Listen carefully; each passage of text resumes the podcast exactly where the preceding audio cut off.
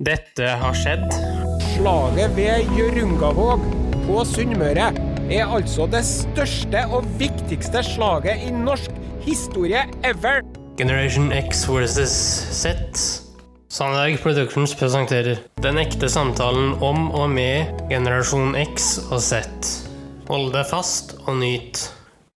Hei, hei, kjære lytter, og hjertelig velkommen til dagens episode av Generation X versus Z. Og i dag, eh, kjære kompan, så er det du som sitter ved spakene og har hovedansvaret. Ja, og vi skal avslutte kongerekka med noe som er eh, litt kult, fordi han vi skal høre om nå, Henrik, han heter Olav Kyrre. Han ble født 1050 og ble konge etter slaget ved Stamford Bridge i England 1066. Og hva skjedde med Norge etter 1066? Og det er det vi skal få et lite innblikk i. Ja, eh, Han var vel ikke konge så altfor lenge, var han det, da? Han var faktisk konge i hele 26 år. Han døde i 1093. Og han er da gravlagt i eh, Nidarosdomen. Det kan da sies. Men det som er litt kult med han Kyrre, han var liksom utenom det vanlige fordi både de kongene før og etter Olav Kyrre, de var jo klin gærne, hele gjengen. Ja. Ikke sant? Det det. Mens han Olav Kyrre, han var liksom fredens engel. Han var vel det vi i dag kaller en eh, fredsmekler. Han var en fredsmekler, rett og slett, Henrik. Og han kunne til og med lese. Og han ble til og med venn med paven. Ja, eh, jeg skal bare si at det å kunne lese i vikingtida, det var ikke så vanlig. Det var høyst uvanlig. Og en annen ting, han grunnla Bergen. En av Norges eh, beste byer, spør du meg. Men eh, det var Bortsett fra Fredrikstad, da. Men det er en annen story. Du er jo veldig inhabil her, da. Jeg er kanskje det. Men Henrik, Ja. vi skal til Olav Kyrre og eh, en konge som burde, etter mitt skjønn, da, få bedre plass i historien enn det han kanskje har fått. Ja, jeg gleder meg. Ja, flott da. Flott da. Skal vi høre? Ja. En podkast fra NRK.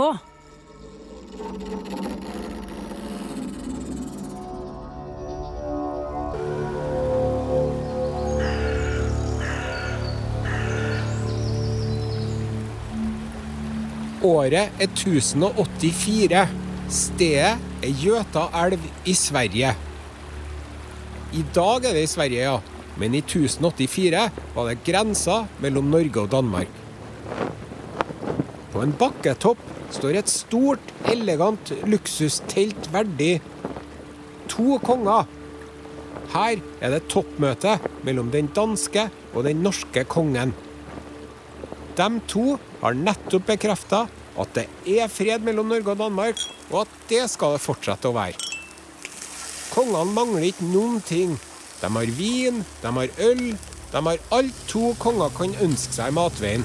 Grilla oksekjøtt, stekt gås, krydra med de lekreste krydderier fra det store utland. Skalda har kveda kvad. Sjonglører har sjonglert sverd. Sverdslukere har slukt sverd. Den dansende bjørnen har angrepet treneren sin og gnegde av håndnasen. Men det var nå bare artig. Et uventa, komisk høydepunkt. Nå er bjørnen båret ut, nesen kosta bort, og fersk sagmugg strødd over alt blodsølet. Ja, jeg skal innrømme. Jeg har funnet på det med den dansende bjørnen og nesen, da. Men toppmøtet, det skjedde. De sitter og slapper av og koser seg i lag, de to kongene. Det er topp stemning, gode vibber, ikke noe styr. De trives i hverandres selskap. Det blir en liten pause i konversasjonen. Danskekongen snurrer litt på vinglasset sitt, kremter, og så sier han Du, hadde ikke du tenkt deg å bli med og invadere England, da? Kom igjen da, Olav. Det kommer til å bli kjempeartig. Ikke si nei. Kom igjen, Olav. Bli med, da. Olav Kyrre får en klump i halsen. Nå kommer de igjen, de 20 år gamle minnene. Olav har jo prøvd å invadere England før. Eller rettere sagt, faren hans prøvde det. Harald Hardråde, den råe vikingkrigeren som gikk for ære og makt. I 1066. da Olav bare var 15 år. Mens faren og den norske hæren ble slakta ned ved Stamford Bridge, satt unge Olav igjen på skipet et godt stykke unna og venta på faren, som aldri kom. Helt til han kom, båret på skjoldet sitt, død som ei sild, med ei lang, stygg pil tvers gjennom halsen. Etterpå var den engelske kongen raus med den norske prinsen, og lot den fære helskinna tilbake til Norge, med de mennene som ikke lå døde igjen i England. Det var ikke så mange. 50 år etter slaget lå fortsatt beina til døde nordmenn i store hauger på slagmarka, sier de. Nå har Olav sjansen til å reise kjerringa og hevne faren og vise verden og historia og ettertida at han, Olav, er mektigere enn noen. At han er den største norske kongen av alle som har levd. Hva skal han velge? Skal han ta utfordringa, være sin fars sønn, gå for ære, ry og makt? Eller skal han ta seg av det landet han allerede har?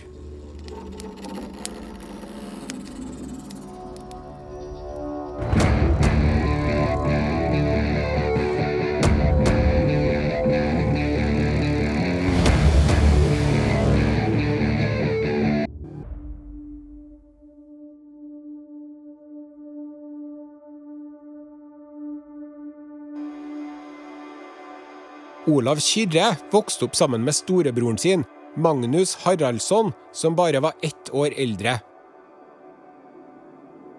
Da Harald Hardråde tok med seg Olav for å erobre England, utnevnte han storebror Magnus til konge i Norge. Så da Olav kom hjem fra England med den døde faren deres i bagasjen, var storebror Magnus allerede konge i Norge, og nå ble Olav konge, han òg. Det er ikke automatisk noe suksess når flere skal være konger sammen. Men Olav Kyrre og Magnus Haraldsson var gode venner. De jobba godt i lag, så dette gikk knirkefritt. De to brødrene hjalp og støtta hverandre. Null stress. Etter et par år fikk en kong Magnus et utslett og noen røde flekker på huden. Han mista følelsen i fingrene og tærne. Så gikk det koldbrann i fingrene og tærne. Så måtte jeg begynne å kappe av dem. Kroppen hans visna bort. Stakkars Magnus fikk diaré, kramper og skjelvinger, og så fikk han hallusinasjoner. Og så ble han helt gal, før han falt i koma.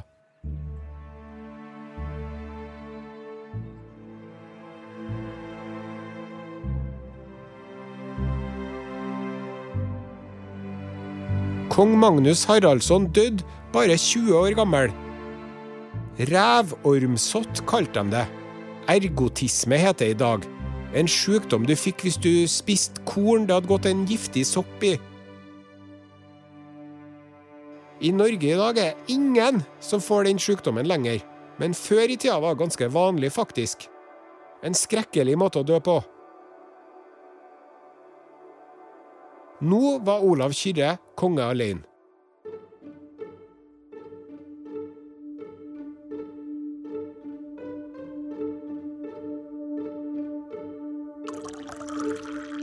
Olav Kyrre var en fåmælt type. Han var ikke noe taler, og han likte ikke å snakke på tingene. Han lot andre gjøre pratinga for seg. Men når han fikk seg noen øl, da tødde han opp og ble glad og pratsom og blid. Jeg tror Olav hadde vært en trivelig kar å tatt en øl eller tre sammen med. Han var flink til å finne lykkepromillen.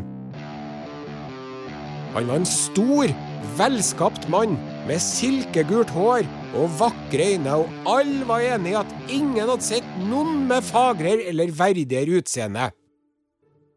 Her må jeg jo få skyte inn at hvis man satt i kongens hall, og folk drev og snakka om å, kongen er så velskapt, og å, han har så velvokste lemmer, å nei og nei, og så er det noen som sier ingen har noen gang sett en fagrere eller verdigere mann.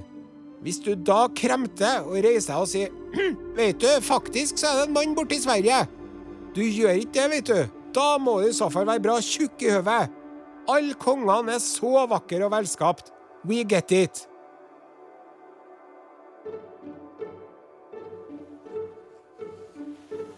Og så kledde han seg så fint, han kong Olav Kyrre.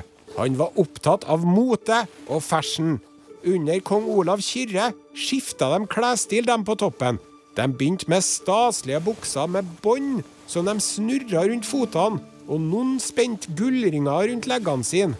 Og så hadde de trange gensere med snøring i sidene. Og du, hør på dette. Dere trange ermene på dere trange genserne, de var fem alen lang. Ja, en alen det er jo enda en av de underlige, vanskelige, tungvinte, ulogiske, kontraintuitive målenhetene de brukte på den tida her. Utgangspunktet til alen er albue, så det er avstand mellom albuen og fingerspissen. Men det varierer jo fra person til person, så ingen er helt sikker på hvor lang en alen egentlig er. Alt fra 40 til 60 centi. Si halvmeteren, da. Så da Olav Kyrre var konge, da hadde folk lange, trange ermer på de trange genserne sine, som var to og en halv meter lang. Leser og skriver to og en halv meter lange ermer. Ja. Hvordan fikk de på seg de to og en halv meter lange, trange ermene, lurer du på? Godt spørsmål. De trakk dem på med et bånd. Så da hadde de rynka stoff oppover hele armen. Så ut som lange, tynne trekkspill, gjorde ermene deres. Og altså lange, trange bukser med gullringer rundt. Og lange, spisse sko. Ordentlige myggjagere. Til og med Snorre skriver at det var en underlig mote. Men samme det. Kong Olav Kyrre, han likte stilen godt. Og han var opptatt av design og interiør og boligstyling. Han flytta peisen, eller ikke peisen, da, de hadde ikke peis, men grua, bålet inni huset, den flytta han fra midt på gulvet til innved en murvegg. Fortsatt veldig røykfylt og dårlig inneklima, siden pipa ikke er oppfunnet ennå, men et skritt i riktig retning. Etter at Olav Kyrre hadde flytta peisen, så han seg rundt i hallen sin, og så sa han Jeg har en idé til, gutta. Vi flytter på bordet òg. Fram til da hadde kongens langbord stått langsetter langveggen på huset, og så hadde kongen sittet i midten av det lange bordet i en staselig kongstol. Høgsete. Men Olav Kyrre sa Kom igjen, nå drar vi bordet ut fra veggen og setter det midt i rommet, og så kan jeg sitte ved ene kortenden. Det blir bra. Og sånn ble møbleringa i husene og hallene til mektige menn deretter. Hadde Olav Kyrre levd i dag, hadde han vært stor på Insta med interiørtipsene sine.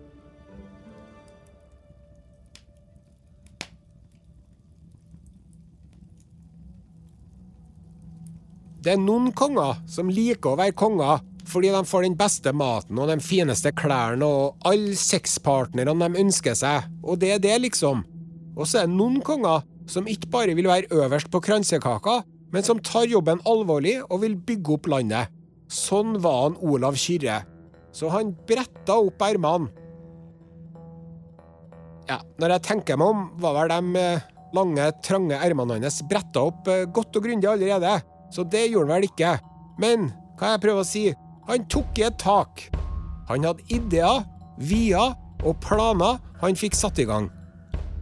Han oppretta bispedømmer og bygde kirker. Kristkirka i Nidaros, det som i dag er Nidarosdomen, den var det Olav Kyrre som satte i gang.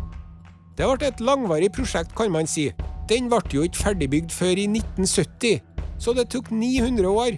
Men det var en Olav Kyrre som begynte. Han bygde ei kirke i Bergen òg, men enda viktigere, han grunnla Bergen.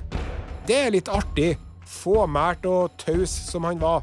Bergensere er ikke akkurat kjent for de egenskapene, men der ser du.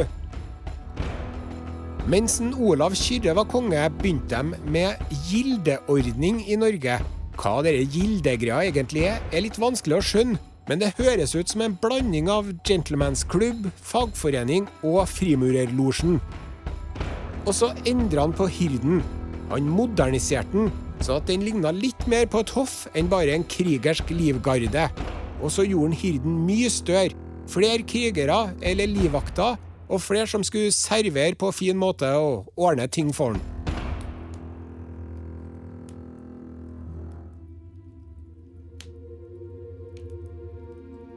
kong Olav Kyrre kunne både lese og skrive på latin, og det gjorde han. Han leste i Bibelen og skrev brev til paven, og fikk brev tilbake fra paven. Han og paven var brevvenner. Faren hans hadde krangla mye med kirka og paven, men det gjorde ikke kong Olav Kyrre. Han likte å hjelpe til under gudstjenestene, faktisk. Og så var det Olav Kyrre som bestemte at lovene i Norge skulle skrives ned. Før det hadde de bare blitt overlevert muntlig. Han var en smarting, intellektuell type, framskrittsvennlig, utovervendt. Det er ikke noe det, men han var åpen for impulser fra verden. Og det var fred og ro og orden i landet, og det er derfor han fikk tilnavnet Kyrre. Det er det Olav Kyrre betyr. Olav den fredelige. Folk hadde arbeid, byene og handelen vokste og hadde gode kår. Det var lite blind vold, herjing, røving og plyndring. Og var ikke noe kriging eller invasjoner eller borgerkriger. På den tida var det et sted mellom 200 og 250 000 mennesker i Norge. Om dagene jobba de ute på åkeren og markene. De sto nå på. Når sto man opp? Når det ble lyst. Når la man seg? Når det ble mørkt. For når det var mørkt, så du jo ingenting, så da var det bare å gå og legge seg. Men sov de gjennom hele vinteren nord for Dovre, da, sier meg? De kan jo ikke ha gjort det. Hva spiste de vanlige folk? Kanskje litt fisk, hvis man bodde attmed sjøen.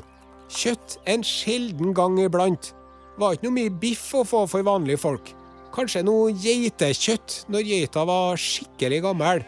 Litt sau innimellom, og noe kål og løk. Fårikål, det har man spist i Norge i tusenvis av år. Altså maten. Hvis den ikke var salt, så var den sur. Og hvis den ikke var sur, så var den harsk. Og så var det mye sådd. Det var noe gryte på grua som de drev og hadde noe slintrer og røtter og ei og anna knoke oppi. Ei evighetsgryte hvor alt gikk oppi. Og så fikk du kanskje et og annet egg. Og noe harde brødlefser med klumper i. Det var ikke noe luftig loff, for gjær hadde de ikke. Og så spiste de grøt. Mye grøt. Men det var ikke noe sukker på grøten. Det skal være sikkert. Og ikke noe kanel heller. Ikke noe smørje engang. Ja, kanskje til jul, da. Vanlige folk hadde vel ett sett med klær om sommeren og ett sett med klær om vinteren. Laga av ull eller skinn eller lin. Vanlige folk drev ikke og hadde fem meter lange ermer på genserne sine, for å si det sånn. En familie bestod av mor og far og ungene og kanskje noen tanter og en fetter eller kusine. Og en bestefar eller bestemor hvis de fortsatt var i live. De var ikke så mange flere, sjø. Folk fikk mange unger, men det var ikke så mange som vokste opp. Helt nederst på rangstigen var trellene. De hadde det skikkelig kjipt og fikk de verste jobbene, og den dårligste maten, de var rett og slett eiendom, slaver. Folk bodde i ett hus sammen, og i det huset bodde husdyrene òg. Da var det lurt å ha dyreavdelinga i nordenden av huset, sånn at dyrene kunne ta av for nordavinden om vinteren. Herre gjorde jo at det ble litt varmere inne i huset. Altså, jeg tror ikke at Olav Kyrre hadde ei ku inne i stua, men en del andre hadde nok det. Det var nok et trasig og slitsomt liv, som heldigvis ikke varte så lenge. Gjennomsnittsalderen var kanskje 35 til 40 år. Noen ble ganske gamle, 60-70, men mange døde lenge før det, utslitt av hardt arbeid og av sykdom. Men på lørdagene, laugardag, da vaska man seg. Eller vaska og vaska for Blom, de var ikke spesielt renslige etter dagens standard. Det var ett vaskefat. Først vaska husbonden seg i det, skylte seg i ansiktet og nakken og snøyt seg i vaskevannet. Og så var det nestemann sin tur, som gjorde det samme og sendte det videre. Når sistemann, den nederst ved bordet, fikk vaskefatet, ville jeg tro det var en ganske tjuktflytende guffe oppi der. Ja ja, men det her var jo vanlige folk. For kong Olav Kyrre og kompisene hans, eliten, den øverste 1 der var det andre boller. De hadde flere skift med klær. De hadde silkeskjorter og smykker. De spiste smør og kjøtt hver dag, og var mye reinere og lekrere enn de lortete bøndene. De kamma hår og skjegg, og hadde pinsetter og tannpirkere og egne bitte små kløpinner til å renske ørene, en slags eh, q-tip av metall. Hadde vel ikke fått med seg det der at man ikke skal stikke noe inni øret tjukkere enn albuen, de folkene der.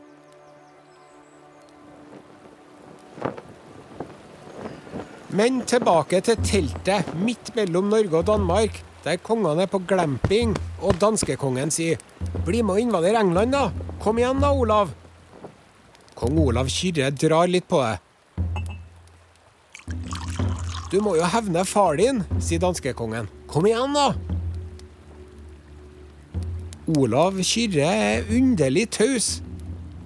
'Nå kan du vinne tilbake æra. Kom igjen, Olav! Du skal få være leder over hele invasjonsstyrken om du sier ja. Ikke vær ei pingle da, Olav.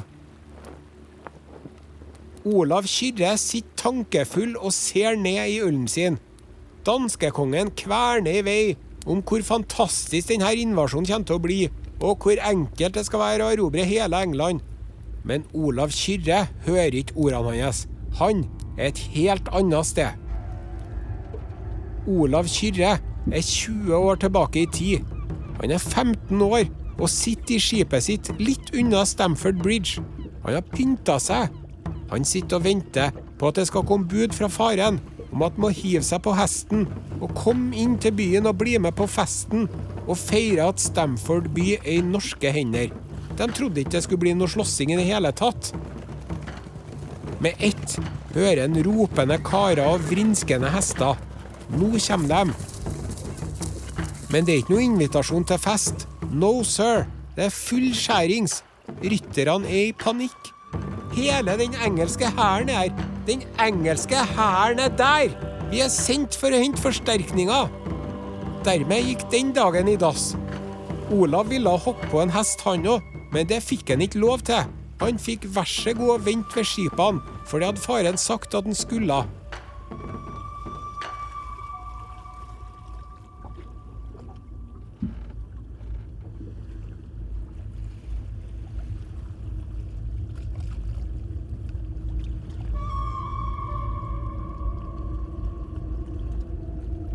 Etter mange timer begynner det å komme en strøm av såra, utslitte, våpenløse menn. Noen mangler ei arm, noen mangler en fot. Noen har piler stikkende ut av skuldre og armer. De såra mennene bare kjem og kjem og kjem og kjem. De som er ved båtene, hjelper dem så godt de kan. Trekker ut piler, bandasjerer sår, presser rødglødende sverd mot armstumper for å stoppe blødninga.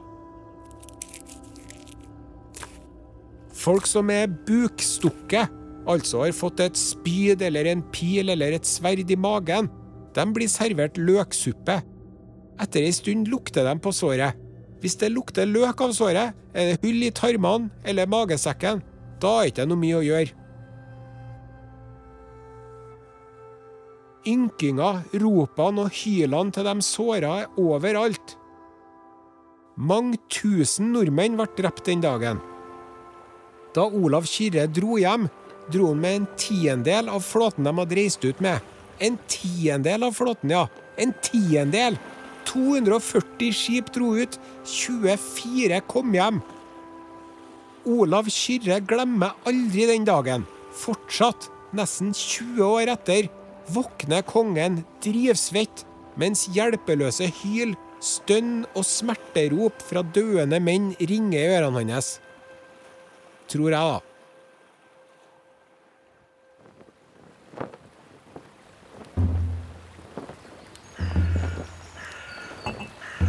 Kongen er tilbake i stolen sin. I teltet.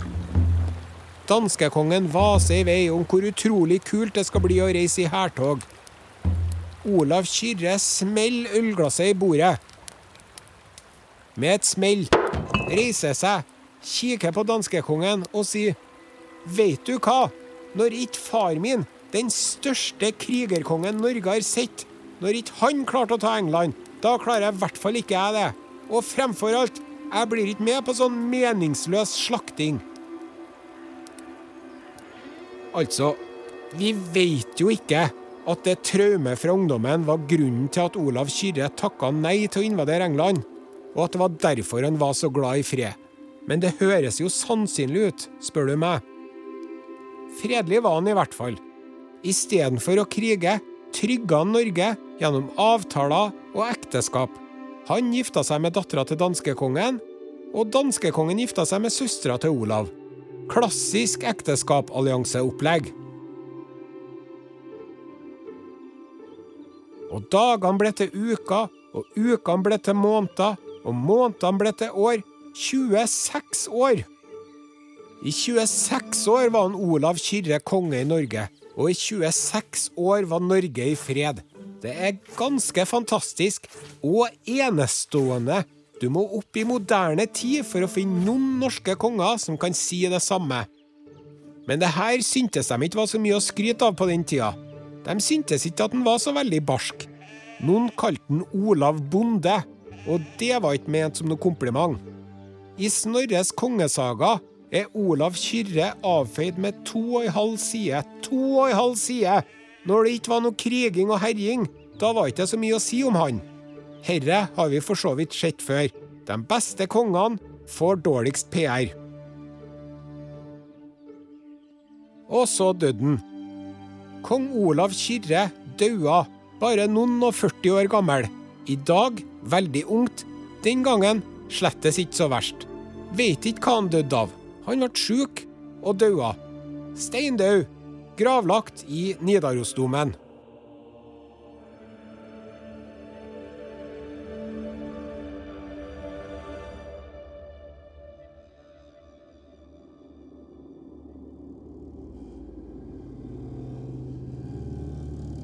Kong Olav Kyrre har en sønn. Kommer han til å fortsette denne fredelige linja? Ja, du må nå bare tro det. Herre var et blaff av fredelighet i en krigersk verden. Nå blir det action, og kongen er ikke kald i grava heller, omtrent, før det blir kamp om tronen. Det er flere som vil ha den.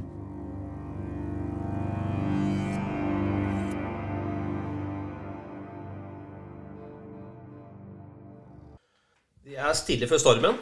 Ja, ja, ja, er det Hva tenker du? Nei, jeg tenker eh, Norge har jo utvikla seg. Det er mye gjennom eh, krigføring. Ja. Altså Det Norge vi kjenner i dag, hadde ikke vært en realitet uten krigføring. Nei, det er sant. Men det har jo kosta, og det koster skjorta. Ja. Mm. Men dette var en form for en avslutning av eh, kongerekka, Henrik. Ja. Eh, Hva skjer nå? Nei, nå så skjer eh, det faste innslaget mitt, vet du. Ja. Skal vi kjøre på? Ja.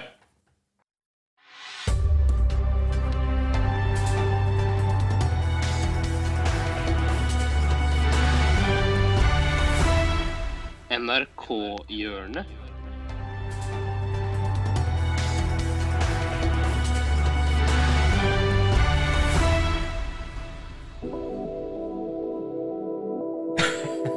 Vi er her igjen, vet du. Hva har du til oss, Henrik? I dag så er det siste lørdagen i måneden. NRK Best Off. er historien om det over fem år gamle intervjuet som gjorde lensmann Kjell Fonn i Førde landskjent. Intervjuet ble nylig nytta i Radio Røysi her på NRK Sogn og Fjordane. Siden den tid har det gått sin sigersgang på internett fra innboks til innboks. La oss skru tida fem år tilbake, til det aktuelle intervjuet som omhandler ransaking av en bostad i Førde. Journalist er Marion Solheim. Eh, Kan du beskrive hva det var dere fant i, i går? Eh, Vi foretok eh, ransaking i et husvære i Førde, og der fant vi fire velvoksne grønne planter som eh, er av typen kannisk Jeg tar opp. det. Ja, det kan. Fire planter da, av typen kannibas... Kannib... Dette ble vanskelig. Under en ransaking i et hus her i går, så eh, kom vi over fire planter da, som ikke er eh, et eh, vanlig å finne i hus her. da. Det er av typen kanniba... Dette her, det stokker seg aldeles nå. Cannabisplanter, da. Kannib... Kannib... Hva sa du? Cannabis. Cannabis var det. Er det vel? Jeg får skrive opp her. Uh, av typen kannibas... Kannibas... Nei, Det jeg har ikke spist plantene.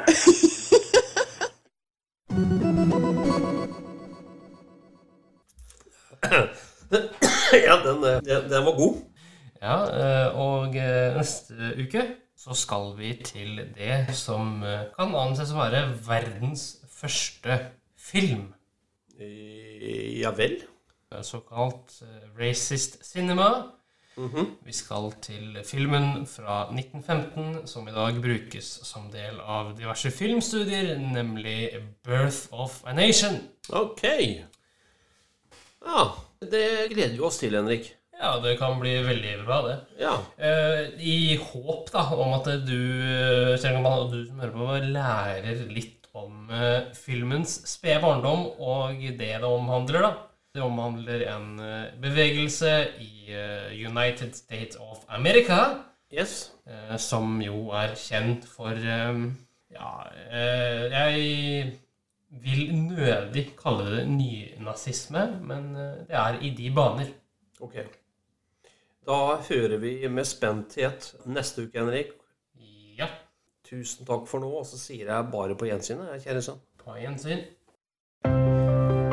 Tusen takk for at du fulgte oss.